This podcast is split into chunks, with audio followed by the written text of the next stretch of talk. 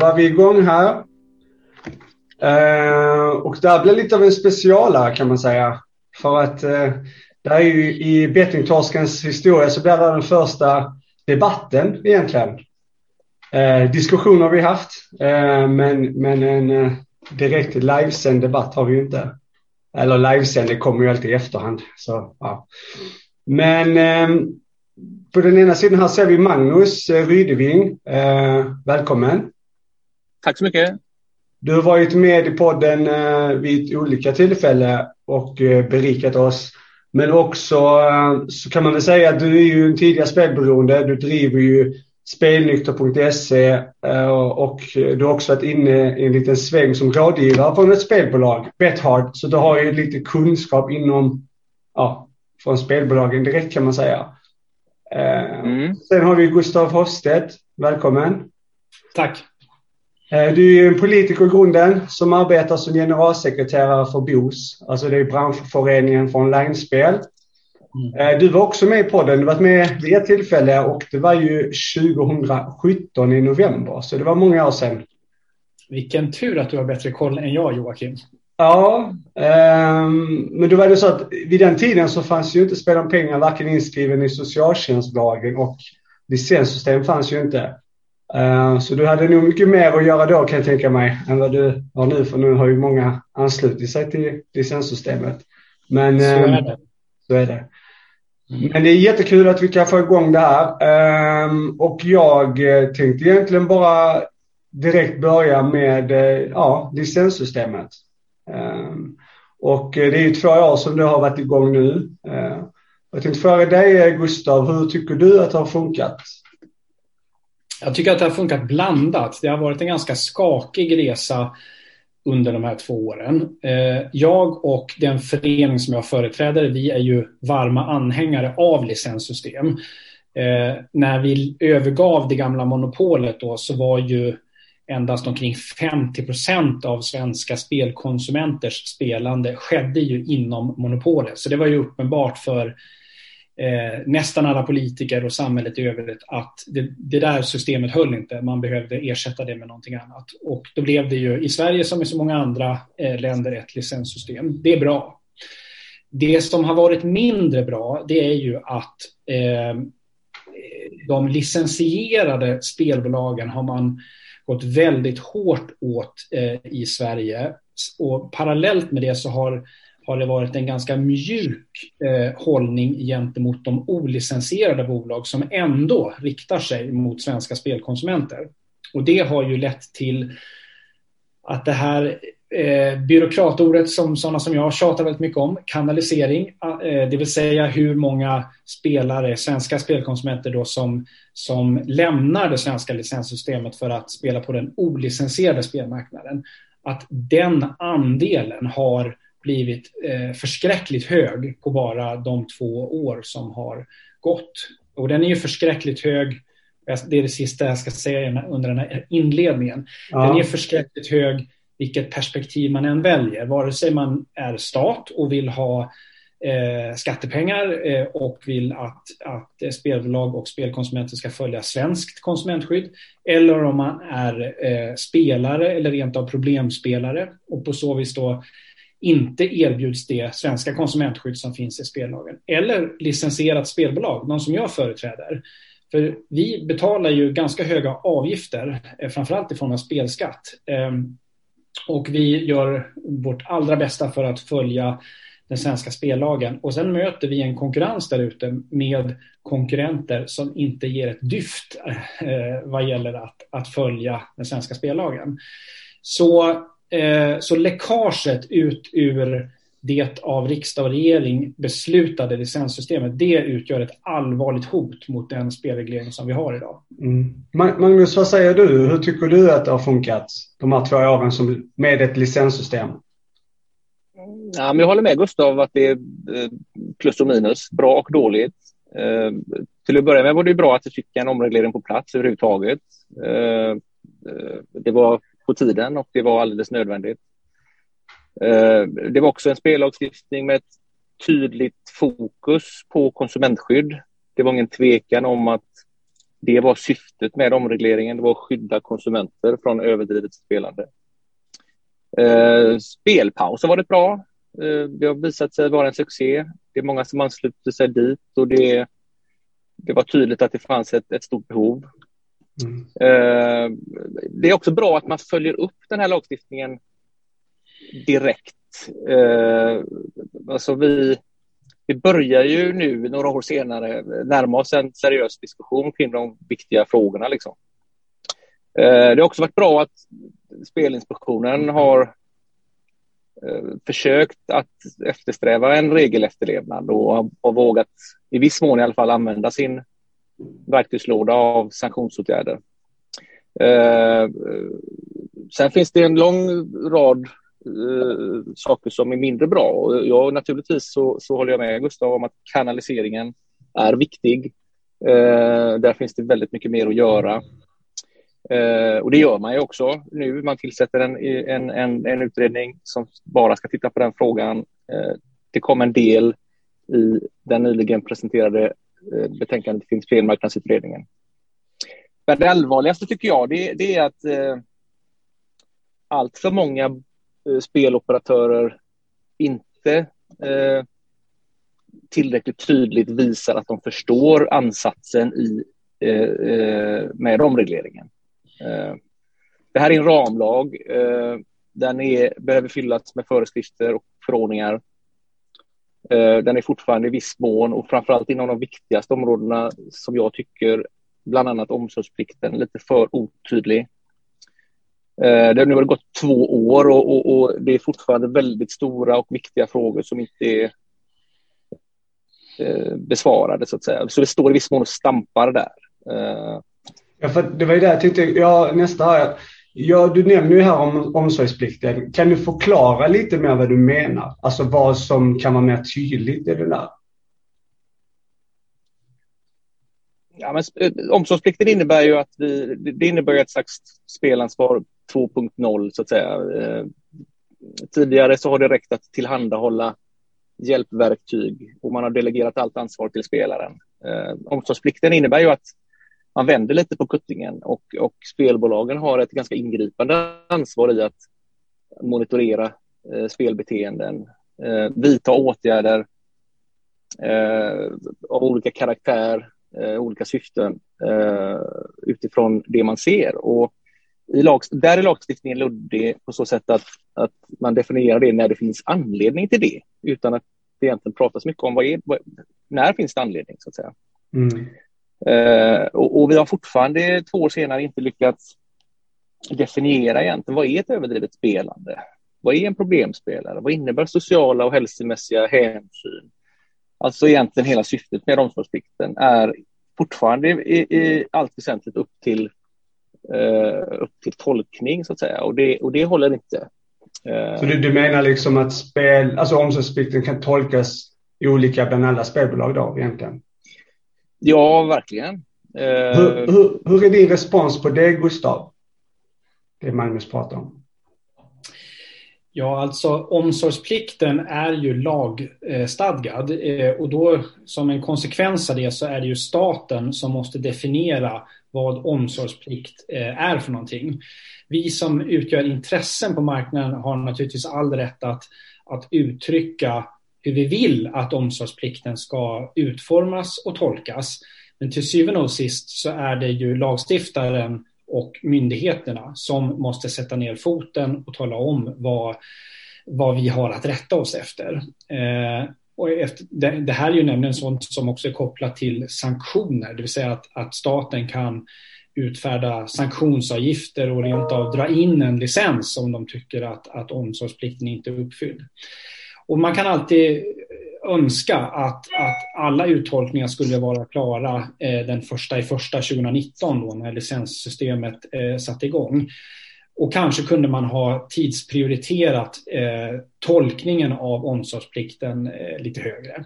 Jag tror mig dock veta att Spelinspektionen i vår, denna vår alltså, som vi i bästa fall nu befinner oss i, eh, har omsorgsplikten som eh, sin högsta prioritet och att man kommer att presentera eh, någon typ av, av eh, draft eller eh, utkast till eh, hur omsorgsplikten ska, ska eh, tolkas. Och sen så inhämtar man då synpunkter som en vanlig remissrunda ungefär. Och eh, till sist då så kommer då eh, myndigheten att fatta beslut. Och då har ju vi andra eh, licensinnehavarna bara att, att rätta oss efter, efter det. Men, men, mig, men, men fråga ja. Gustav, kan du hålla med om att, det, att under de här två åren så har det upplevts att, att spelbolag, för du representerar ju spelbolagen, att det kan uppfattas att, um, att de får lov att tolka omsorgsplikten lite som de själv vill. Är det något du håller med om? Håller med om att det är en ramlagstiftning, eh, som Magnus påpekade. Det är ju det. Eh, och och eh, praxis för hur en ramlagstiftning ska uttolkas, ja det sker ju genom domstolsprövningar och, och myndighetsbeslut. Det är ju så. så det, det, det vore ju knasigt att, att förneka den logiken. Eh, och nu så, så Eh, Eh, är, kommer det ju i år då tydligare besked från framförallt Spelinspektionen om hur vi ska förhålla oss till eh, omsorgsplikten. Jag menar, eh, och det är det som eh, BOS-föreningen företräder, det som vi har försökt förmedla till, till våra medlemmar, eftersom vi är enbart verksamma på eh, online-spelmarknaden, så är ju omsorgspliktens kärna för oss, det är ju det här med kundkännedom, alltså att inte släppa in den som inte eh, ska släppas in och att övervaka allt det som spelaren ägnar sig åt. Eftersom spelet sker online så, så registreras ju varenda knapptryck. Och det där kan man använda till ytterligare kommersiella insatser, kampanjer rent av. Men man kan ju vända på kuttingen var det någon som sa här tidigare och då också använda all den datan till att förebygga spelproblem. Och det är omsorgsplikten för, för oss, om inte staten meddelar att den ska vara något annat. Jag tänkte, du sa ju det Gustav, att eh, det som inte har funkat så bra under de här åren också har ju varit att det har um, att det uppfattas att det är hårt mot de som har licens och mjukt mot de som inte innefattas av licenssystemet. Kan du förklara vad du menar med det? Ja, ett tydligt exempel är ju eh, då att de här, när licensierade spelbolag begår fel, då är det inte ovanligt. Det har förekommit böter på 100 miljoner kronor till, till i Sverige licensierade bolag, vilket ju eh, sveper undan många års eh, vinster för, för spelbolag när man tittar enbart på deras verksamhet i Sverige. Och omvänt så känner i alla fall inte jag till en enda husrannsakan, än mindre en enda, en enda fällande dom gentemot eh, ett eh, olicensierat spelbolag som ju då har riktat sin verksamhet mot svenska spelkonsumenter där bonusarna bara flödar, där ingen spelskatt betalas, där liksom, det finns inget regelverk överhuvudtaget. Kan någon nämna en enda fällande dom gentemot ett sådant bolag? Det är, det är det tydligaste exemplet på hotet mot den svenska spelregleringen. Hur, hur är din respons på det här, eh, Magnus? Nej, men jag håller med, men jag ser det som två separata eh, frågor som inte måste stå eller inte bör stå emot varandra. Å ena sidan har vi ett regelverk för de, de licensierade bolagen i Sverige att förhålla sig till. Mm. Eh, och det behöver inte stå mot kanaliseringen. Kanaliseringen är naturligtvis jätteviktig och en grundbult i hela trovärdigheten för omregleringen. Eh, och där måste man göra allt som står till buds naturligtvis för att komma till rätta eh, med det. Eh, men jag tycker kanske att, att många svenska spelbolag lite för mycket sneglar lite avundsjukt på den oreglerade marknaden. Eh, men nu har man sökt licens i Sverige och då har man att förhålla sig till det regelverket som gäller här. Och, och väldigt mycket av de många, många kunder som spelar oreglerat i Sverige är redan spelpausade kunder. De ska ändå inte spela. Eh, så att ibland undrar man när, när man lyssnar på Gustav om det här är av omsorg för spelarna eller om det är så att de vill åt den, de, de spelarnas pengar. Vad är din respons där, Gustav? Ja, det, det, finns inget intresse eh, från den licensierade spelindustrin att eh, tillgodogöra sig några pengar från problemspelare. Eh, ett av våra medlemsbolag gick igår ut med eh, öppna fakta kring hur stor andelen för det bolaget är från, eh, från eh, problemspelare. Och det är, eh, det är helt enkelt en usel affär att förlita sig på eh, problemspelare av en mängd olika orsaker. Eh, naturligtvis främst för den, den, etiska mänskliga aspekten, men det är också så att, att eh, alltså den, precis, i spelbranschen, precis som alla andra branscher, den, den mår ju bra av kunder som är nöjda med upplevelsen, som är återvändande kunder, Eh, och eh, spelmissbrukare är raka motsatsen till det. Så det bedrivs en, en ärlig och på många sätt vill jag också säga framgångsrik eh, utveckling och kamp för att, att eh, andelen spelmissbrukare ska bli så liten att den till slut faktiskt helt försvinner. Ja, just, just det. Ja. Jag får bara bemöta det lite, för det, det Gustav tar upp där, jag antar att det är Kindred du tänker på, Gustav? Det var Kindred som igår presenterade andelen eh, som de har från problemspelare. Ja, det är riktigt. Ja, ja. Och, då, och då nämner de 4,3 procent revenue från, eh, eller från, från kunder med eh, någon form av risk, så att säga. Och, och det belyser faktiskt problemet ganska tydligt. Jag, jag välkomnar naturligtvis detta från, från Kindred och, och transparens är bra, dela data är fantastiskt, men här, här har ju Kindred då gjort valt att göra en helt egen klassificering, helt egna gränsdragningar bortom all evidens och forskning. Eh, så de här 4,3 procenten som de då öppet redovisar, de kommer ifrån kunder med sex eh, diagnoskriterier i DSM.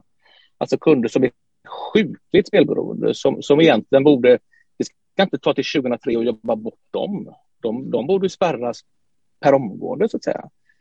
Går man sen vidare ner i, i, i kund, deras kundkategorisering och pratar om medium risk players, low risk players, så återfinner vi tre DSM-kriterier och det bedömer de som en lågriskspelare.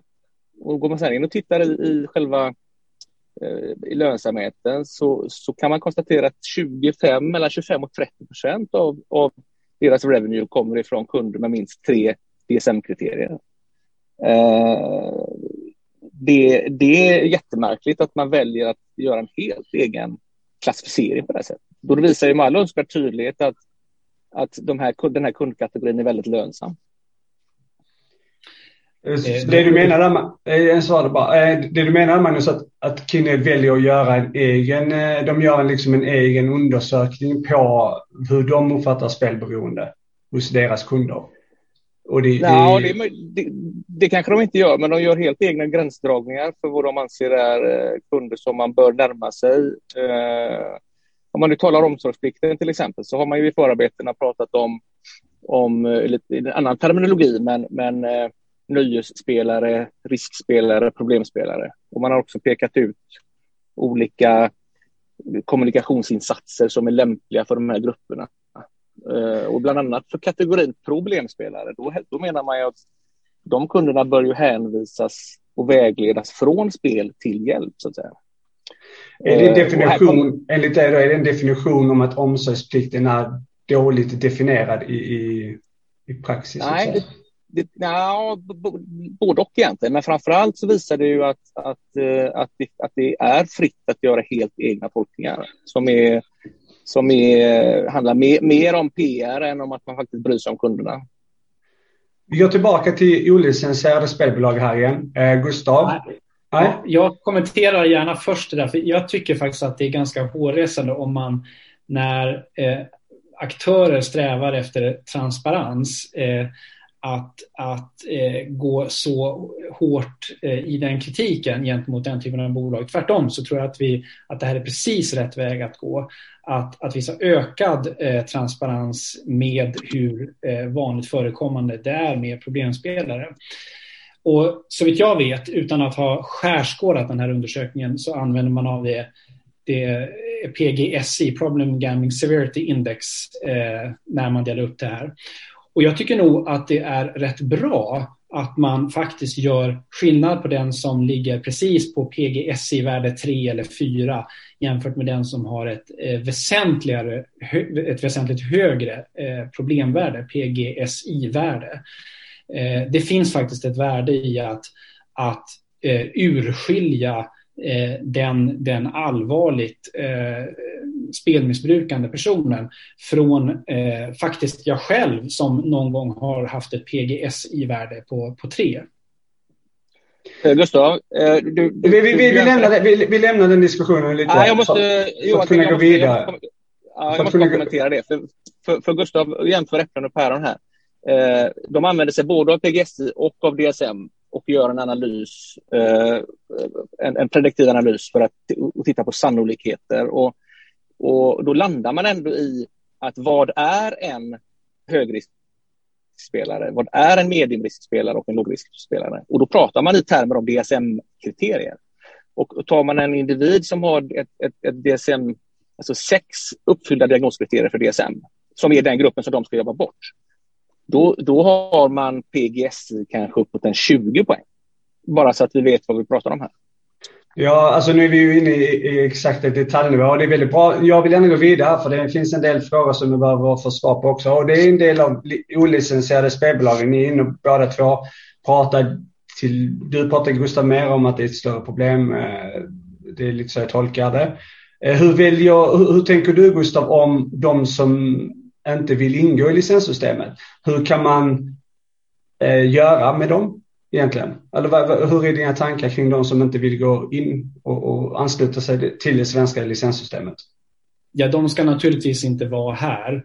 Eh, och den erfarenhet vi har av eh, Sverige, men, liks, men, också alla andra länder där man eh, försöker upprätthålla både monopolsystem och licenssystem, det är ju att det är egentligen inte regeringar, eh, parlamentariker eller för den delen spelbolag som avgör hur hög eller låg kanaliseringen ska vara. Utan det är spelkonsumenterna i de länderna som avgör.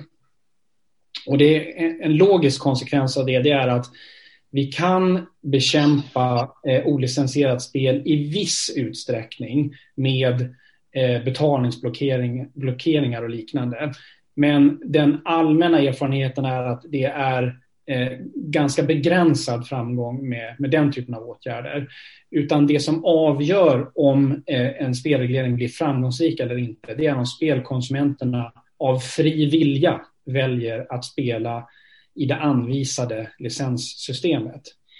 Eh, och då blir det bekymmersamt när de eh, spelbolag som då har licens om de inte får marknadsföra sig eller om, om deras sportutbud blir väldigt kringskuret eller om de på grund av covid-19 eh, läggs på restriktioner trots att covid-19 egentligen inte har någon, någon inverkan på den speltyp som de, som de erbjuder.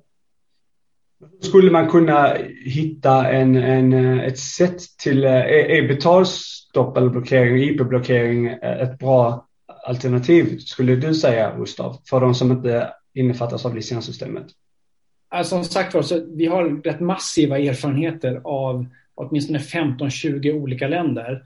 Eh, och det viktigaste budskapet att ta till sig är att repressiva åtgärder, alltså sådana åtgärder man tar till för att hålla någonting borta, de är eh, inte särskilt framgångsrika oavsett vilken åtgärd man väljer. Men utan det som avgör om ett licenssystem har en hög kanalisering, det är om spelkonsumenterna av fri vilja väljer att spela inom licenssystemet. Och det gör de när de tycker att, att de spelprodukter som finns inom licenssystemet är så bra och tilltalande att det finns ingen anledning att söka sig utanför licenssystemet. Vad, vad säger du Magnus om, om just de olicensierade spelbolagen?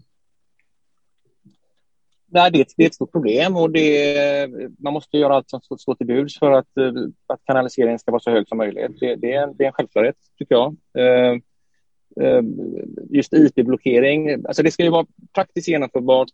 Vi kanske måste ändra viss lagstiftning och sen ska det vara politiskt eh, eh gångbart också. Och, eh, som Gustav antyder så kanske inte just IP-blockering har varit den åtgärden som står högst på önskelistan. Men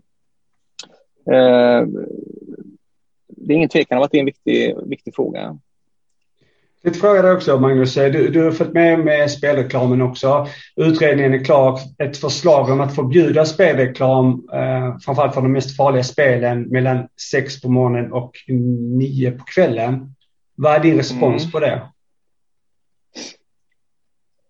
Ja, det, det, vad ska man säga? Jag håller med Gustav på så sätt att, att har man nu sökt licens i Sverige och gjort sin hemläxa, vet vad man ger sig in på eh, och man eh, tror sig kunna uppfylla licensvillkoren, omsorgsplikt och så vidare, så, så måste ju de här bolagen kunna få marknadsföra sig, så är det ju. Sen med facit i hand så kanske man kan säga att vad är det, 70 licenser för, för, för, för kommersiellt online-spel och vadslagning, 250 sajter på den här lilla marknaden. Kanske inte, det, det kommer sannolikt inte fungera på sikt. Uh, jag, jag välkomnar istället den här riskklassificeringen som man pratar om i spelmarknadsutredningen och, och att man tittar på den frågan inom ramen för det. Uh, jag förstår. Eh, Gustav, eh, som sagt, du har ju också pratat en del om, om just det här med, med spelreklamen och jag tänkte höra om, om utredningen politiskt sett eh, fram ett förslag om att förbjuda spelreklam under en viss tid. Eh, då förstår de ju att det är ett problem med, med eh, framförallt högriskspel. Då. Um, och då är egentligen min fråga till dig, varför inte införa ett totalförbud som exempelvis Italien, om de vet om problemet att lämna fram ett förslag om förbud, alltså förbud av spelreklam under viss tid? Ja, alltså den, eh, dels så kan man ju anföra, och det har inte så mycket med spelpolitik att göra, rent medborgerliga rättigheter kopplat till, till yttrandefrihet. Att eh, det finns många medborgare i Sverige och också riksdagsledamöter som tycker att, att ett grundtillstånd där medborgare får eh, yttra sig fritt och också med kommersiella budskap, att det är ganska viktigt i ett gott samhälle att man, att man får göra det. Eh, sen specifikt varför det är en dålig idé med ett partiellt eller som du är inne på Joakim, ett totalförbud av, av viss spelreklam. Ja, det är ju än en gång kopplat till detta med, med eh, kanaliseringen, att då springer man de olicensierade bolagens ärenden. Ingen blir gladare än om licensierade spelbolag förbjuds berätta att de existerar än de olicensierade spelbolagen. Och därmed så så förspills ju det goda konsumentskydd som vi eh, har uppnått tack vare den svenska eh, spellicensordningen. Eh, att, att, skapa en, en, fungerande spelreglering, det är lite grann som att dra i ett gummiband, brukar jag, brukar jag tänka på. Eh, ett gummiband, det är till för att spännas, så spänn på med, med en beskattning och med konsumentskyddsregler och, och vad du vill. Men spänner man för hårt, då, då brister bandet. Och då, då har man ingenting kvar av alla de goda föresatser som man hade från början. Och, nämligen då naturligtvis skatteintäkter och framförallt ett gott konsumentskydd. Och att, att den, den spelform som redan idag har den allra sköraste kanaliseringen, alltså där läckaget ut från eh, den trygga svenska licensmarknaden är som allra störst, online-casino, att just de skulle förbjudas att få, berätta att det finns trygga licensierade alternativ. Det, det finns bara en vinnare av, en, av ett eh, sådant utfall och det är den svarta spelmarknaden. Okej, okay. jag tänkte gå vidare till dig. Du pratar ju Magnus om risk och det är ju otroligt viktigt såklart. Eh, men en, en fråga som har som också diskuterat flitigt är ju själva begränsningen av insättningsgräns. Eh, bland annat du Gustav vill ju att eh, regeringen skulle dra tillbaka det här. Ehm, vi, min fråga till dig Magnus är egentligen, hur ser du på det att en person generellt då, insättningsgräns på 5 000 kronor per vecka per bolag då som har licens. Och det är 100 bolag vad jag kunde se sist på Spelinspektionens hemsida. Det innebär 20 000 i månaden per bolag gånger 100. Det är 2 miljoner i månaden man kan spela bort. Ser du det här som något rimligt? Som, som, som så ofta så är det för och nackdelar med, med, med det. Eh, och nackdelen beskriver du där. Om det nu skulle vara så att spelaren hoppar från bolag till bolag så hämmas ju såklart möjligheten för för eh, bolagen att utöva omsorgsplikten, att ha koll på just den här kunden. Så, så det är ju naturligtvis en stor nackdel. Eh, verkligheten är nog inte sån däremot, eh, åtminstone inte i alla fall. Eh, risken för en spelare eh, är ofta i spelsituationen så att säga. Eh, och får, man all, får du möjlighet till lite eftertanke och lite reflektion i spelsituationen, till exempel att du slår i någon form av insättningstak, så har det visat sig att det hjälper faktiskt för många kunder. Eh, det är inte så att man direkt går vidare till nästa bolag och fortsätter spela. Eh, och, och, man kan också förhindra de här absolut värsta avarterna. Jag pratade med en klient eh, senast idag som, som spelade bort 500 000 på nätkasino här på en kväll Eh, för något år sedan eh, på ett licensierat bolag i Sverige. Eh, och, och, och, och, det undviker man, den typen av tragedier med den här typen av insättningsgränser. Sen finns det massor med andra nackdelar och en stor nackdel är ju att, att pokern har åkt med här eh, lite oförtjänt eh, och, och, det skapar stora problem för, för många pokerspelare som saknar problem och så vidare. Men man kan säga så här att om, om en... Alltså det är väldigt få eh, svenska eh, spelkonsumenter som kan, bör eh, konsumera 5 000 kronor i veckan på nätkasino. Eh, så jag tror, att, jag tror att förslaget gör mer eh, om vi bortser från pokerproblematiken så tror jag att förslaget gör mer eh, eh, nytta än skada. Vad säger du till det, Gustav? Jag tror att det gör mer skada än nytta. Eh, till en början med just det här beloppet att, att eh, 20 000 i månaden då som insättningsgräns, det, att det sker en normalisering kring att det skulle vara normalt, vilket det för de allra flesta människor inte är. Eh, det finns gott om människor som, som inte har råd att, att eh, sätta in och än mindre spela bort kanske 200 kronor i, i veckan. Eh, och det där sätter ju fingret på att din ekonomi, Joakim, är inte densamma som min. Eh, och Magnus har, har en tredje ekonomi. Och den här typen av, av eh, generella beloppsgränser, de träffar ju alla lika. Så att istället för att vi använder oss av det som är online-spelarens unika möjlighet, nämligen individualiseringen, så, så är det här eh, beloppsgränser som, som gäller eh, den som går med trasiga skor likväl som miljardären. Och, och därför så är det ett väldigt trubbigt system. Eh, jag vill också säga att jag tycker att det är viktigt när man inför regleringar att man gör det av rätt orsaker. Motivet ska vi komma ihåg till varför de här covid-19 restriktionerna infördes var en påstådd, en av regeringen påstådd eh, lavinartad ökning av eh, online-kasinospel. Det visade sig ju, eh, och det är väl få, få som ifrågasätter att det, det blev inte alls så. Online-kasinon stod relativt stilla under covid, åtminstone under den första vågen. Vi är mitt uppe i det här, så något slutgiltigt facit har vi ännu inte. Sportspel av naturliga skäl, det det eh, nära nog upphörde under en period medan eh, spel på hästar exploderade i Sverige.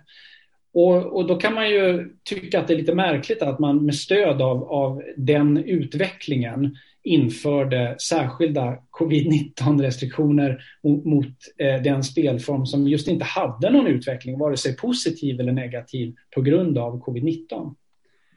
Okej, okay, jag tänker så här, jag skulle gärna vilja att ni får avrunda kort eh, om det är någonting som ni vill lyfta. Det här var en kort debatt. Eh, vi kanske kommer ses igen för en ny debatt två, vem vet. Men eh, Magnus, har du några slutord? Ja, men om man ska vara lite positiv så tycker jag ändå att eh, sakta men säkert eh, går åt rätt håll. Det vi börjar närma oss, Eh, även om det kunde skett mycket tidigare, men vi börjar närma oss nu de här viktiga stora frågorna inom ramen för omsorgsplikten till exempel.